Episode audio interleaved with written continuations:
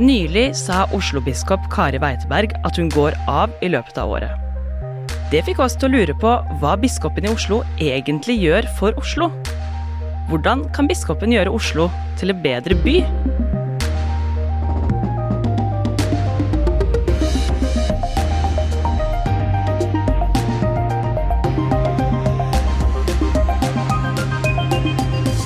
Velkommen til Oslopodden, din ukentlige nyhetspodkast fra lokalavisen Vårt Oslo, hvor du og jeg raver rundt, Vegard. Ja, velkommen Oda, og velkommen til alle de som lytter til oss. Jeg heter eh, Oda, og sammen så går vi nærmere inn på én nyhetssak som har preget bybildet den siste uka. Og forrige uke så sa biskopen i Oslo, Kari Weiteberg, at hun går av i løpet av året. Og det fikk jo oss til å tenke litt, Vegard, og bli litt nysgjerrige på hva en biskop egentlig gjør, og hva rollen til biskopen i Oslo er. Ja, ikke minst eh, hvilken rolle biskopen har for oss oslofolk. Eh, vi har jo en avis, eh, Vårt Oslo, som gir ut Oslopodden. Og vi er jo naturlig nok opptatt av er Oslo-biskopen et ombud for oslofolk? I så fall, hvilken rolle kan hun eller han eller hen spille for mm. oss? Og så får vi også en ny biskop fra neste år, så det også er jo spennende å se hva slags endringer som er, kommer da. Og også kanskje kan gi en liten pekepinn på hvordan vi Oslo-borgere merker hvem som er biskop, da, hvilke roller de har? Ja, jeg tenker kirka har jo en sentral eh, rolle i samfunnet vårt, og har jo hatt det, ja, jeg vet ikke, siden eh, Olav den hellige. Eh, sånn at vi Det er jo en, en, kirke, en folkekirke, som er under stadig utvikling. Og mens jeg tidligere har tenkt at kirken var ganske reaksjonær, var ganske treg til å gå imot apartheid, for, for eksempel, eller eh, var ikke så veldig eh, føyelig overfor kvinner som fødte barn utenfor ekteskapet. Tok altfor lang tid før kvinner eh, fikk være prester, og skeive ble jo ikke så veldig inkludert en god periode. Eh, men i dag så føler jeg at Kirken egentlig på mange måter går foran og, og, og er med og danner altså en mening, en progressiv mening i samfunnet vårt på flere områder.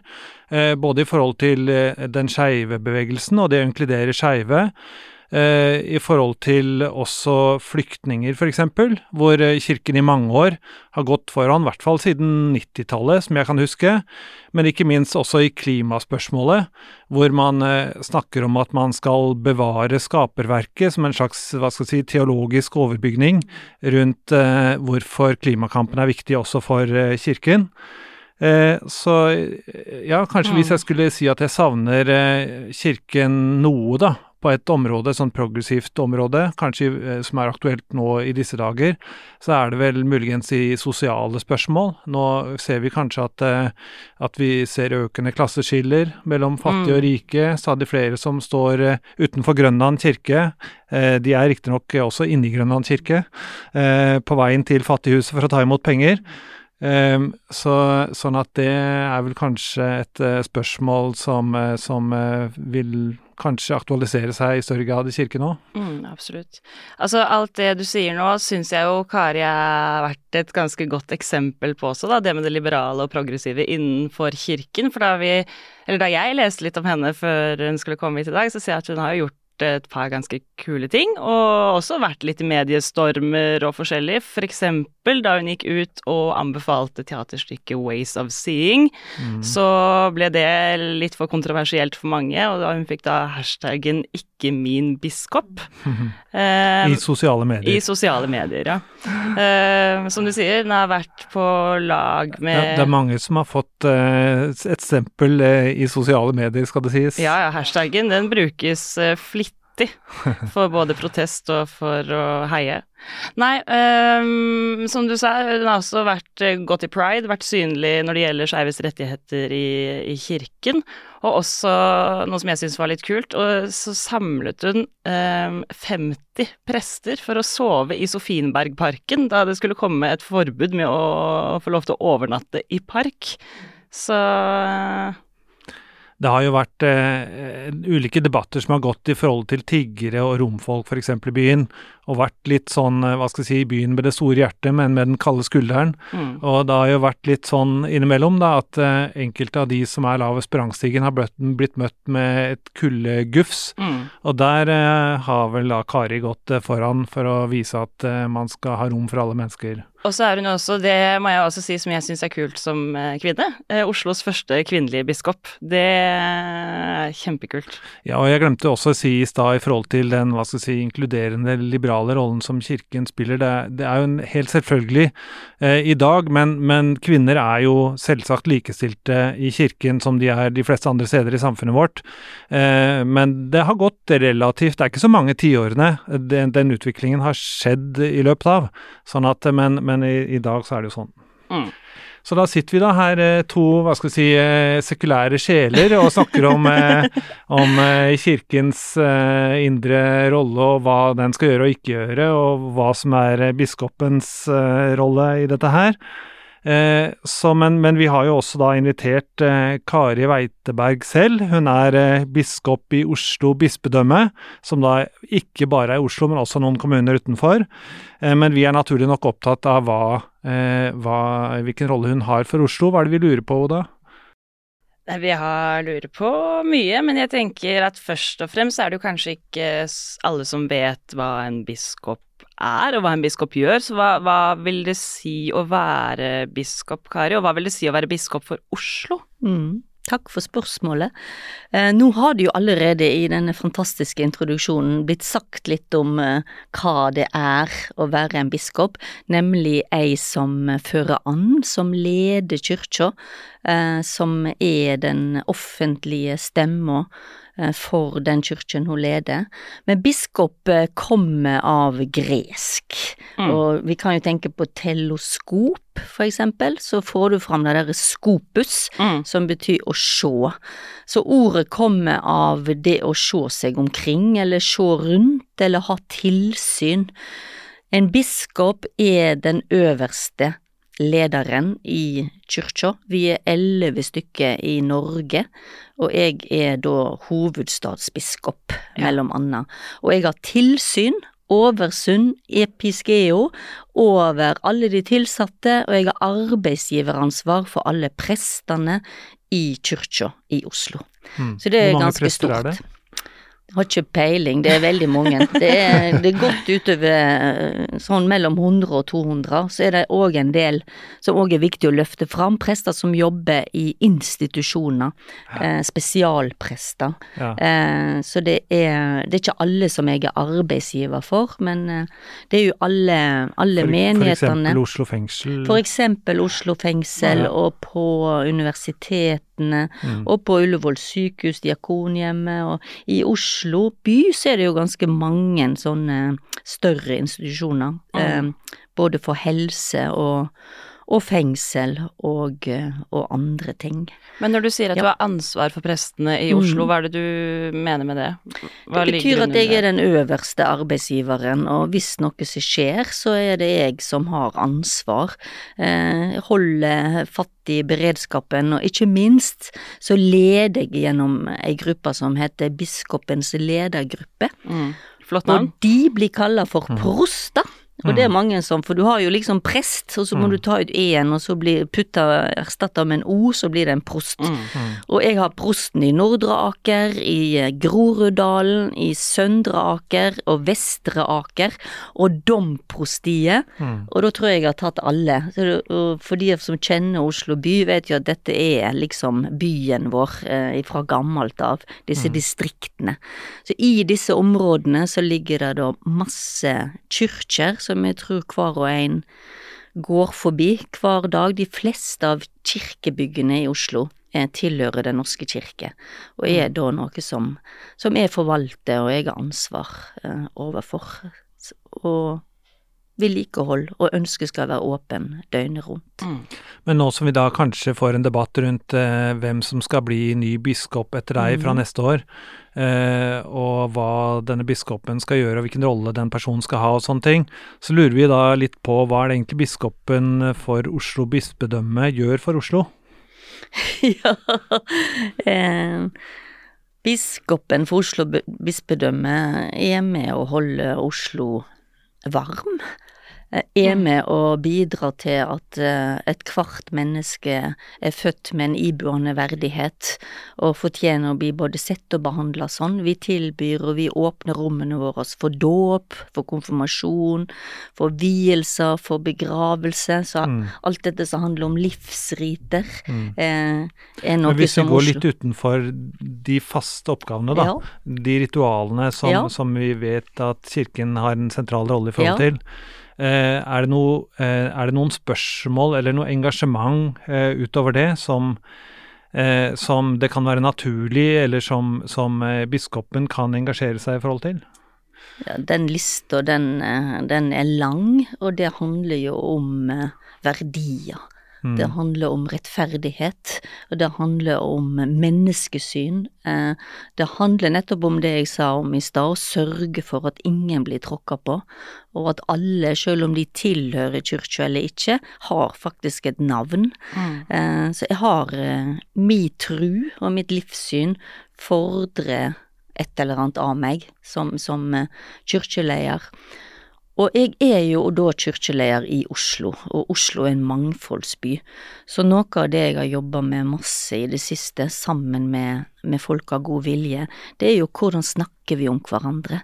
Hvordan snakker vi om våre jødiske venner? Hvordan snakker vi med, med og om våre muslimske venner? Ja, hvordan hvordan snakker vi om hverandre? Det er en tendens nå til å øke hatprat ute, både Veldig. blant den oppvoksende slekten og eldre. Og her, her har jeg, eh, og vi som kirke, et ganske sånn viktig bidrag inn. På hvilken måte jobber dere med det? Når jeg har det som heter visitasa, så er det helt konkret hvordan ser det ut i biskopens kalender? Jo, i uke 40 har hun visitas i Oppsal og Manglerud, og så har hun i uke 25 i, eh, på Tronsen og eh, når jeg var på Tronsen, så var vi òg innom Linnerud og Manglerud og ulike sånne skoler og, og, og møteplasser. Og det som er spennende da, er å snakke med elevene. Så Mm. jeg snakker ganske mye med elever. eh, og inviterer oss sjøl inn og hører hva er det som står på spill eh, i skolen her. Er det noe, Nå ser dere en biskop, har dere lyst til å grille meg? Er det noe dere lurer på? og da, da snakker vi nettopp om eh, vi har jo utgitt en sånn samtalehefte som heter Sier vi, Mm. med dialogsenteret homo, hore, jøde, pakke, ja, forskjellige sånne ord som vi vet er de mest vanlige i skolegården. Så jeg spør jo ofte, altså hor, er det noe dere sier, er dere klar over hva det betyr, liksom? Homo og et annet, og å få i gang sånne samtaler, og at de ser òg at en religiøs leder òg gjerne vil og må snakke om sånn, for det handler om at tru og religion skal bli brukt til, eh, til kjærleik og fred, og ikke til hat og krig. Eh, Det betyr mye. Mm. Mm. Mm. Fin måte å gjøre det på. Ja. Ja. Så skolebesøk er ganske viktig for Oslo-biskopen, eh, Ja. sammen med flokken sin. Mm. Mm. Hva slags rolle spiller kirken, da, og biskopen, nå i Oslo i 2024? Jeg tror vi spiller en helt avgjørende rolle, og, og, og kanskje særlig har vi merka det både etter pandemi, men òg de siste årene, hvor vi de fleste av oss tar inn over oss at det er, det er ganske masse tungt. Eh, både sånn inni, inni den oppvoksende slekt, altså er det noe framtid, hva skjer med kloden? Eh, Mm. litt Det kan gå på, på, på orken løs, altså Mm. eh, orker jeg, liksom? Eh, Så det å, det å bevare drømmen og, og, og, og det at du, du er noe, du kan bidra selv om det kjennes tungt. Krigene som foregår i verden nå, Ukraina og det som skjer i Midtøsten. Eh, Vi merker at eh, det er behov for noen sånne annerledesrom. Det er Mm. behov for eh, å åpne opp for babysang og, og, og middager og, og samvær. Det er behov for å tilby den skulderen som du bare kan lene deg mot og, og, og, og ja, kanskje ikke si noe, men bare sitte.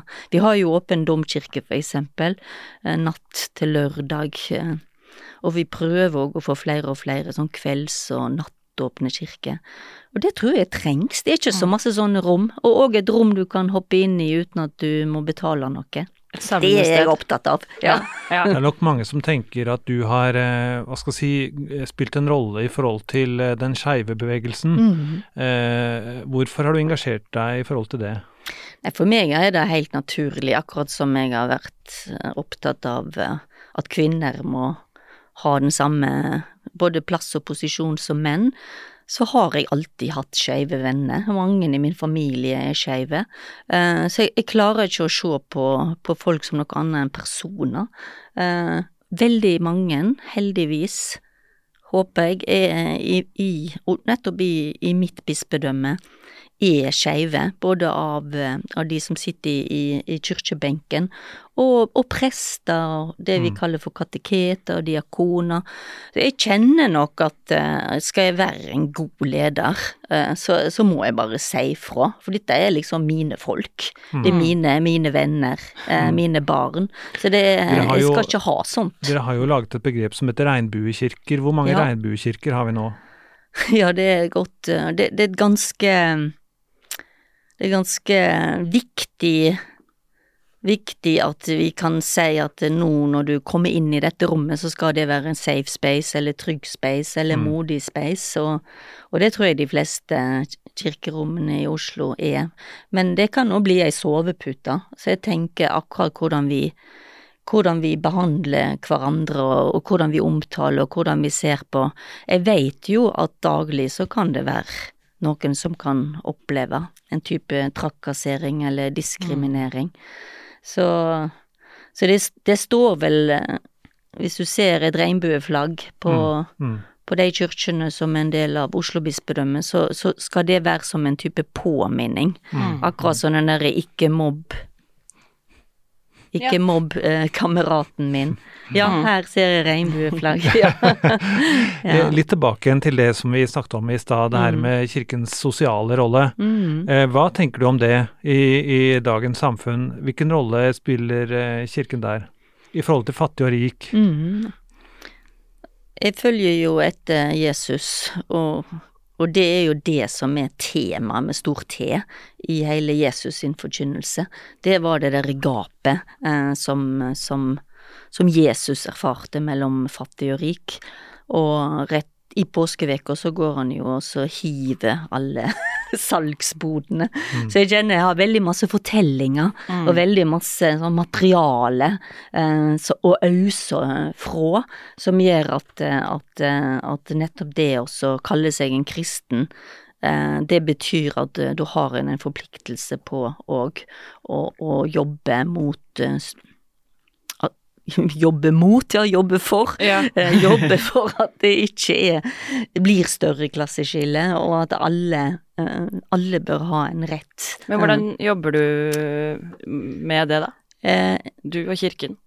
For det første så er det det at eh, rommene våre skal være gratis. Mm. Vi jobber ganske mye med, med måltid og matutdeling. Eh, neste visitas jeg skal ha, da håper jeg at vi kan få en del eh, press og media rundt det òg, for det er oppe i, eh, i Fossum, Stovner og Haugerud. Mm. Og der, eh, der har kyrkja, i og med at hun akkurat ligger på stasjonsområdet der i Fossum, blitt en veldig viktig eh, plass for lekselesing, et varmt måltid mat, og, og for Oslo-biskopen, som dere nå snakker med, så er jo det sånn jeg ser kyrkja på sitt beste kan være. Um, men òg det å jobbe for um, Vi har nettopp hatt uh, minus 15 til 20 kuldegrader i byen vår. Mm. Eh, rett før pandemien kom inn, så opplevde vi noe av det samme, og vi så at, eh, at det, det var på livet løs. Så da var jeg med og så åpna Paulus kirke på Grünerløkka, rett og slett for overnatting for alle. Okay. Og det var òg et sånn statement ned til eh, byrådet vårt, Ja. at, eh, at eh, dette målet med at det skal være minus ti, det er et mål som det fungerer i militæret, sant. Mm. Fordi hvis vi har følt minus ti kuldegrader, så er det for kaldt. Mm. Uh, Så, så vi hadde en aksjon der som, som det også fins det, Ja, ja. finnes det en del skriveri om, som jeg, som jeg håper kan forplikte oss videre på at, eh, at eh, i Oslobyen så, så tenker vi at det skal være mulig både på dagtid og nattestid Mm. å sove trygt. Vi laget jo en episode om det nå, forrige episode vi hadde. Hvordan overlever de som eh, bor på gata nå Ikke når det er sant? så sprengkaldt? Ja, og Mm. det, er, det er veldig utfordrende. Mm. Ja. Du har jo også engasjert deg i forhold til eh, bombingen av sivile i Gaza. Mm. Eh, kan du si noe om eh, hva du tenker rundt det? Jeg merker at det er vanskelig å, å si noe fordi det er så utrolig tungt. Eh, så jeg, jeg er i sorg. Eh, vi klager, vi tenner lys, og vi har håp. Eh, vi jobber for å mobilisere håp, og ikke minst så jobber vi i Oslo Kirke veldig for at vi hører fra våre venner at det er så taust fra Vesten.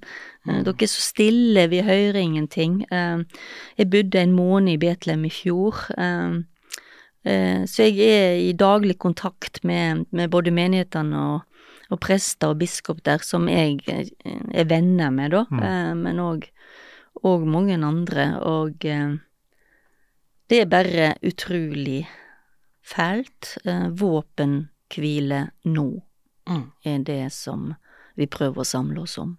Mm, mm. Ja, det er vel kanskje litt lettere å få gehør for det i en flerkulturell by som Oslo enn enkelte andre steder i landet? Et sånt budskap?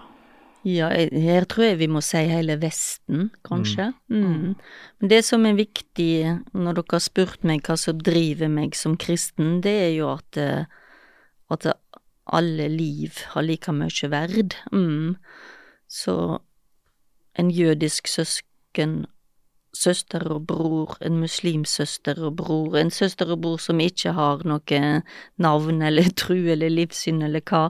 Eh, alle de eh, trengs å bli sørga over. Mm. Mm. Nå går du jo av som biskop i løpet av året, og så skal du tilbake til stillingen din som bymisjonsprest i Tøyenkirken. Hvorfor eh, gjør du det? Det er i grunnen noe jeg har lyst til å komme tilbake til senere, fordi jeg er Oslo-biskop, og det er lenge til jeg går av. Jeg skal ha fire visitaser, Mm. skal ha en kjempeflott påske og feiring, og det blir sommer, og det blir 22. juli, som òg er viktig for kirka vår, og hele tida åpne opp rommene våre og, og minnes og sørge. Og det blir en hel høst, og så kommer vi til jul. Og når jeg starta som biskop i 2017, så, så sa jeg til mine kollegaer og, og, og til et blad som heter Pensjonisten, tror jeg, Mm. som har blitt sitert videre, at, det, at jeg tenker at sju år i en sånn toppleder-biskopstilling er en god periode. Så jeg nærmer meg eh, Jeg skal ikke pensjonere meg i, i morgen, men, eh, men jeg nærmer meg jo eh, den delen av livet mitt hvor eh, jeg går mot pensjon. Og da tror jeg det kan være en god bruk av meg, eh, at jeg får lov til å jobbe og ha sjelesorg og leve tett på folk og få forkynne. Og da vil ikke jeg drive med så mye administrasjon som jeg gjør nå. Eh, og jeg syns at jeg har vært med og fått lov til å åpne opp. Jeg tror det blir utrolig mange som har lyst til å være mine etterfølgere, og at det blir gode folk. Og så har jeg jo verdens beste prostegruppe, det er veldig Mhm. viktig. For vi tenker ofte sånn veldig hierarkisk, men, men vi er en flokk, da. Ja. Så jeg tror det skal gå bra. Jeg lurer på, hvor eh, føler du at du kom til kort? Altså, hvor eh, ønsker du at din etterfølger skal eh, ta over eh, spaserstokken etter deg? Det er jo en sånn type avskjedssamtale i desember 2017. Jeg kom jo til kort hele tida, altså det er så masse å gripe fatt i. Men, eh, men eh, la meg si tall. At det ikke er min største uh, tall og budsjett og, og den biten. Uh, det merkantile i jobben min. Eh, Mm. jeg er ikke god til, men det er det jo andre som kan ha. Så jeg syns nesten andre må vurdere det. Jeg har fått lov til å bidra med den jeg Men, er. men du ønsker ikke primært en administrator-økonom? Eh, Nei, det er jo nettopp det jeg ikke altså, gjør. Jeg tenker mer eh, Når jeg spør deg om det spørsmålet, så tenker jeg mer eh, hvilken, hvilke spørsmål føler du at, eh, at eh, din etterfølger eh, bør gripe tak i? Ja. Eh, det er jo eh, det spørsmålet som eh, handler om hvordan er vi levende nær og tilgjengelig og en god folkekirke for alle folkene, og hvordan klarer vi, og der, der tror jeg nok at jeg har kommet til kort, for jeg tenkte at når jeg ble biskop, kom alle til å melde seg inn i Den norske kirke, men det har de jo ikke gjort ennå. Så jeg håper òg at eh, om en ikke sjøl er helt sånn avklart i forhold til hvor en står, i tru eller ikke, så, så har vi veldig lyst til å, å kjenne at vi kan, kan få gi en himmel over folks liv. Mm. Eh, og det er jo ikke så Nå må vi velge, da. Eh, når jeg var liten, så var det bare sånn. Mm. og det, det er spennende, det å, det å få få de i Oslo som eh, uten å tvinge noe nedover folk, eh, og, og kjenne at det her, her kan en få være som den en er, at en òg kan oppleve, at flere opplever at eh, ja, Den norske kirke er, er relevant. Mm. Eh, jeg melder meg inn, jeg, jeg døyper mine barn, og, og, og det, det håper jeg at folk vil. Mm. Mm. Det syns jeg er en fin ting. Helt eh, til slutt, du har som jeg har snakka om vært biskop nå i seks år, og det blir syv før du går av, og opplevd mye. Hva har rørt deg mest i løpet av de til nå seks årene hvor du har vært biskop i Oslo bispedømme? Jeg er jo i eh, et felt hvor det er mye Vi blir rørt hele tida. Det, det, det, det, er en- måte å, å være i livene til folk og, og få lov til å, å bidra inn i samfunnet på. Som, som er veldig rørende, eh, for det er på djupet, og, og, og det så det er de djupeste sorgene og de store feiringene. Jeg blir nok mest rørt når eh, av skolebesøkene, og av Sist skolebesøk så, så var det en som ratt og bånd og ja, du biskop, eh, holder du med, med, med Palestina eller Israel? Eh, altså, jeg vil ha fred. Mm.